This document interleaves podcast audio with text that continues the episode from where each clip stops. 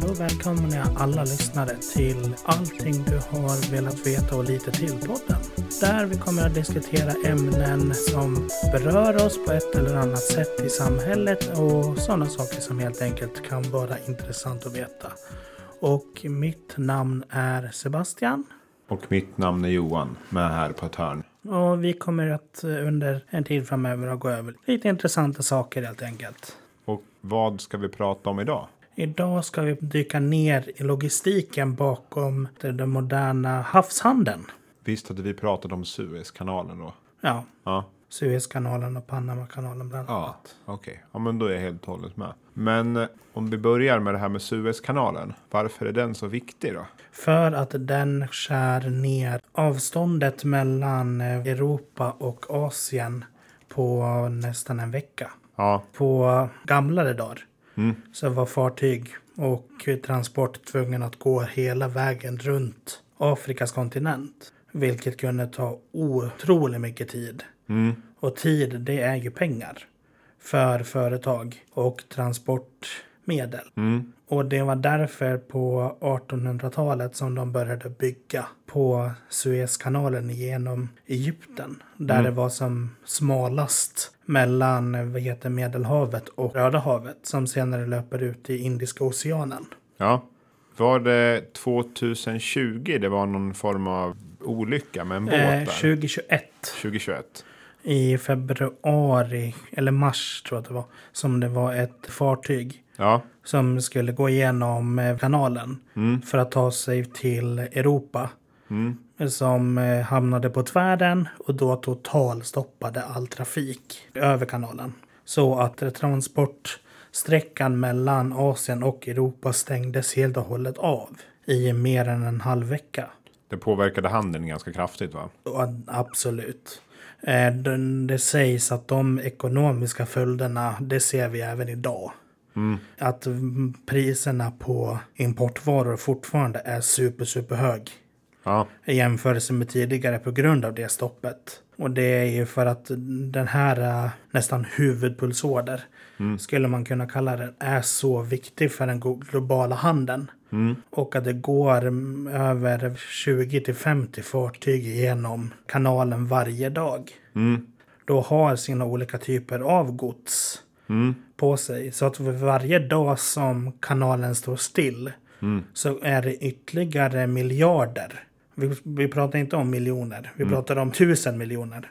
Som går till eh, spillor när varorna står still. Och inte kommer fram till leverantören. all ekonomi och export har gått framåt så himla mycket. Varför löser man fortfarande det med liksom båtar på den här kanalen? Finns det inga andra effektivare sätt? Men samtidigt så pratar vi om eh, miljöpåverkan. Ja, Och det är ju jättestor fråga idag. mm. Så säger om vi ska ta bort fartygen ja, och ersätta med flygplan.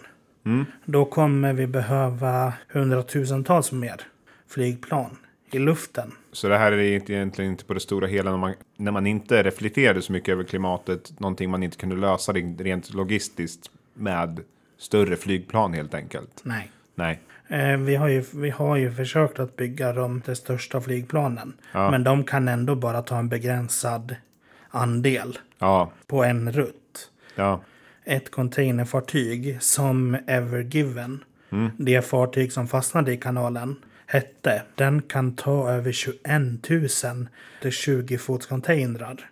mm. Ensam. ja, det är ju blir rätt kraftigt. Det är otroligt stort antal av, av containrar. Ja, Men en container kan man ju tänka sig är samma storlek som en vanlig lastbil. De är ju stora men de är inte tillräckligt stora för att eh, liksom transportera allt. nej, Vi transporterar över havet men- och det är därför det, det är så otroligt mycket också containrar. Som är i, är i rörelse konstant. läste till mig lite i morse att den hade ju liksom öppnande på 1800-talet. Men jag läste lite på nätet och det stod att man byggde den väldigt tidigt för att ha en förbindelse mellan Medelhavet och Röda havet. Och det var liksom år 1800 före Kristus till och med att man började nyttja det här. Ja, jag har inte just läst mig in så mycket i det som eh, i just den historien. Men det är förmodligen en stor möjlighet. Eftersom att det är en så pass strategisk plats. Ja, Och att den är så pass platt. Mm. Så att det går att gräva ner sig tillräckligt djupt för att dra havsvattnet igenom kanalen utan att behöva använda sig av slussar. ja det var det som jag förstod var fördelen. Att, man, att det var så pass platt så man inte behövde bygga slussar. Exakt. För att om du kollar på, eller på andra sidan havet, Atlanten med, vad heter Panama. ja, Där har de ju slussar. ja, Eftersom där går fartygen mellan eh, havshöjd till nästan upp till 58 meter över havsytan. ja, Och det gjorde de för att annars så skulle de behövt att kapa igenom ett helt bergigt land. Med massa djungel och berg som skulle ta ofattligt mycket tid. mm. okej då är jag helt och hållet med. Så det, blir, det blir liksom inte liksom trafikstockning på samma sätt där. Nej, Nej, det är ju fram nu på senare dagar som eh, Suezkanalen har börjat och blivit allt större. ja, Eftersom att trafiken igenom den är så pass stor. mm. Så i 2015 så började de att bygga två filer. ja, Från norra sidan, från medelhavssidan, ner till den mittensjö. Som ligger mitt i genomkanalen. Där fartyg kan stanna om de får problem. Eller att ändra trafiken. För fortfarande är det i söderingången är det bara en fil. ja, Och då går de 15 till, vad heter det, 60 skepp ja, genom norrut en viss tid. Och sen så går de söderut en annan tid. ja, När alla, när alla norrgående har passerat. Och det var ju just på södra delen, den som det bara är en fil ja, på, som fartyget fastnade på. Och då stängde igen hela kanalen. Men jag har aldrig riktigt fattat. Hur lossade de där till slut? Var det med bogserbåtar eller hur gjorde de? Det var tack vare tidvattnet Ja, och med bogserbåtar. Det var ju länge prat om att de ville få lastat av allting. mm. Men då är det 20, liksom 21 000 Mm. containrar de ska få av. Och det kommer ta ännu längre tid. ja, För då ska de ha dit ett speciellt eh, kran mm. För att eh, vad heter, lyfta av allting också. Mm. Den tidsspannet som redan hade gått. Eh, den satt fast i 6-7 dagar. Så att det var 6 Mm. dagar. På de 6 dagarna så var det ju uppemot 100 miljarder dollar.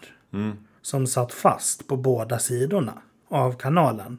Och det var därför de också kände sig lite stressade att både använda grävare och bogserbåtar för att få loss den. Och det var ju inte ett litet fartyg heller. Om Nej. man räknade så. eh, Så sett på skalan. Den var över 400 meter lång. Ja, jag såg att det var någon som hade gjort en jämförelse med typ en sån här, vad heter det, ja men typ Finlandsfärja framför den. Mm.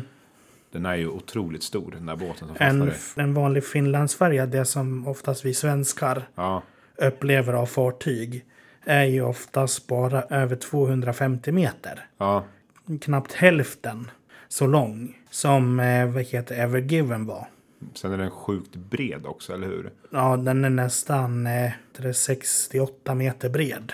Också så den är ju otroligt stort objekt Mm. som är i rörelse. Och det är liksom mycket som kan gå snett.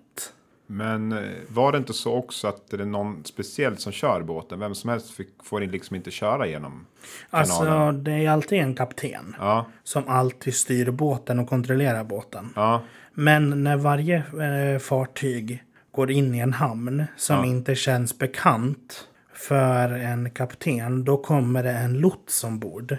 ja, Och den personen har då erfarenhet av hur hamnen ser ut, hur eh, grunt det är på platserna, eh, hur mycket trafik det kommer att vara, vilka fartyg det är som kommer att kunna möta en. Och samma sak är det igenom både Suez och Panamakanalen. För att de ska ha en typ av, ja men säg guide. mm, Det många, det många misstror är ju att lotsen tar över rodret Mm. Från kaptenen. Men så är det inte. Nej, för det jag läste, Mm. som står på nätet, när den kommer in i hamnen sen, alltså när den ska in genom, då, är- då går egyptisk besättning på. Ligger det någon sanning i det? För det stod på Wikipedia när jag läste lite snabbt.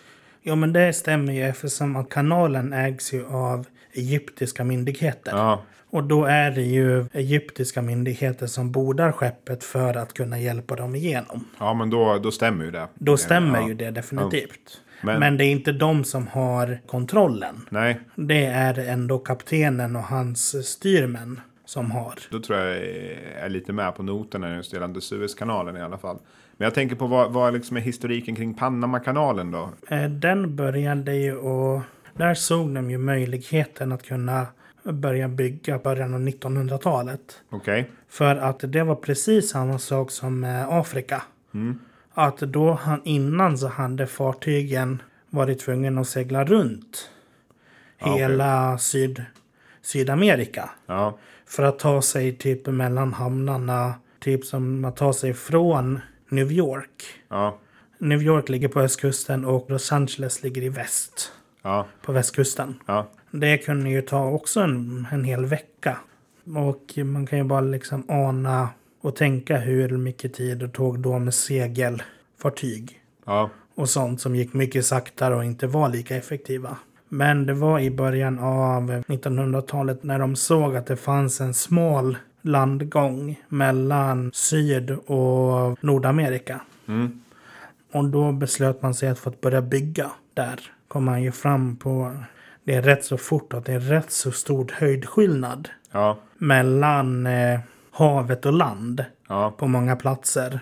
Och då istället för att i havshöjd som de har gjort det med Suez så börjar de att skära genom landet mer för att eh, kunna bygga upp slussar och så så att de kan höja fartygen upp på den 58 metrarna som är den högsta platsen i kanalen och så att de kan ta sig igenom över på andra sidan. okej. Är det någon skillnad liksom på exportprodukterna på de här ställena? Är det liksom samma syfte eller är det något specifikt de liksom eh, exporterar över Panamakanalen kontra Suezkanalen? Nej, det är samma sak. Ja, Eh, det finns någonting som kallas för Panamax och eh, någonting som kallas för Suezmax.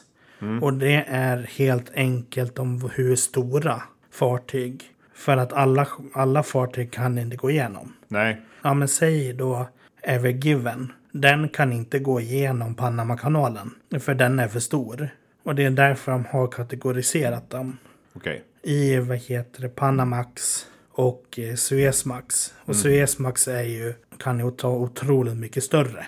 Då är jag med. Men det här måste ju kunna användas som typ politiskt verktyg också, tänker jag. Absolut. Det har varit krig.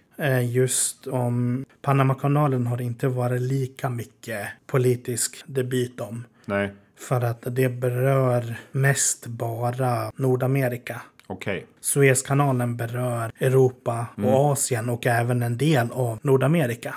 Ja, Några mil norrut, i Röda havet, ligger Hormons sund. Som är mellan Förenade Arabemiratet och eh, Iran. Och i det havet som är mellan de två länderna är några av världens största oljetillgångar. okej. Olje och gastillgångar. Och där är det väldigt fientligt Gentemot varandra, eller? jämt emot varandra. Ja. För att Iran är inte så glada med USA för tillfället. Som tar ut väldigt mycket olja Ja, från den bukten. okej. Där har det, precis som i Suezkanalen, också varit krig om just att få leda igenom oljefartyg. Ja, För att få ut det till resten av världen. Eftersom att resten av världen är så himla mycket mer beroende av det. ja, Och det visar ju liksom också bara hur kör hela transportgrejen är. ja. Att en litet felsteg kan kosta på det flera miljarder. Men eh, hur skulle man kunna göra det här bättre då? Har du någon teori? Det går nog inte i nuläget. Nej, Alltså för att just på Hormuzsundet är det just diktaturlandet Iran mm. som har en väldigt västfientlig ledning. Och det ser man, det kan man följa på nyheterna Mm. dag som natt i nuläget. Mm. Att de är inte så himla glada med västinblandning och sådana saker. Och de kan välja att stänga av hela det sundet. Ja, okej. Men i Egypten där Suezkanalen går så är det en så pass stor tillgång. Eller det är en så pass stor ekonomisk boost för hela landet. Att ha Suezkanalen så att jag tror inte att det finns någon direkt fientlighet mot det på det sättet. Okej. Det kan ju inte finnas någon vinning för Iran, tänker jag, att stänga av delar av sundet. De lär ju förlora på det också. Ja, definitivt. Eftersom att de eh, transporterar sin olja ut därifrån också. Ja, Och då kommer ju de bli automatiskt stoppade. ja, Eftersom att de stoppar alla andra. okej. Så då har man indirekt gjort sig beroende av varandra fast man inte kanske har så höga tankar om varandra. Ja, exakt. Ja. Panamakanalen, den har varit hyfsat fri från konflikter då? Alltså den Ja, ja. I, i jämförelse. ja. Eftersom att eh, det ligger på en mer politisk stabil plats. ja, Man brukar ju oftast prata om Panama som eh, skatteparadis. ja, men precis. Och det är väl just det det är. Också jag kan inte så jättemycket information om själva landet. Nej, Panama bara om kanalen. ja, Men att kanalen medför ju också en väldigt hög inkomst ja, för själva landet. Och att jag vet, jag var i kontakt med en, med faktiskt en fartygskapten. skrev lite med det. Ja, jag skrev lite med honom på e-mail. Eh, Och, och jag frågade då just hur mycket det kostar Ja, att eh, åka igenom eh, Panamakanalen. ja, Och det för stora fartyg är ju det över det är 50 000 dollar. Upp mot 100 000 dollar. En summa som företagen eller rederierna kostar på. ja, det kan ju inte vara så mycket pengar egentligen på det stora hela då, tänker jag. Om de har så pass mycket viktig last på. Nej, och jag menar ett fartyg kan ju vara värd otroligt mycket. Ja, på grund av just det den transporterar. Och om vi går tillbaka till eh, Suezkanalen och längs med Röda havet och ut till Indiska oceanen så passerar ju det en väldigt farlig plats också och det är Afrikas horn. Och om man har följt lite med nyheterna där senare år så har ju pirater blivit allt mer vanligt i det området. Eller det är väldigt aktivt fortfarande. Och det var jättestort på 2010-talet. Åren innan där så var det väldigt mycket fartyg som blev kapade och Ja. inte lämnades. Eh, Och besättningen och lasten lämnades inte ut. Så att det var liksom en gisslandrama om både besättning och last och fartyg. Ja, det där med båtarna, de är inte fyllda så här typ med typ folk som har beställt kapsyler från Wish eller någonting. Eh, jo, det kan det, kan det absolut vara. Jag menar, allt, nästan allting som vi har idag, det har transporterats över havet. Ja, på, på de olika typerna av fartyg som jag kommer komma till lite senare.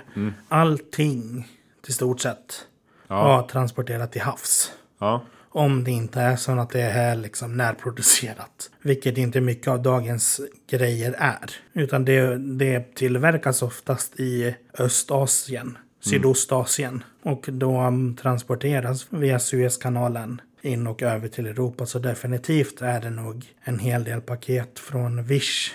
Och de apparna på de fartygen också. ja, all right. Men eh, du sa att du hade någonting att säga om eh, båtarna också, att du skulle komma in på.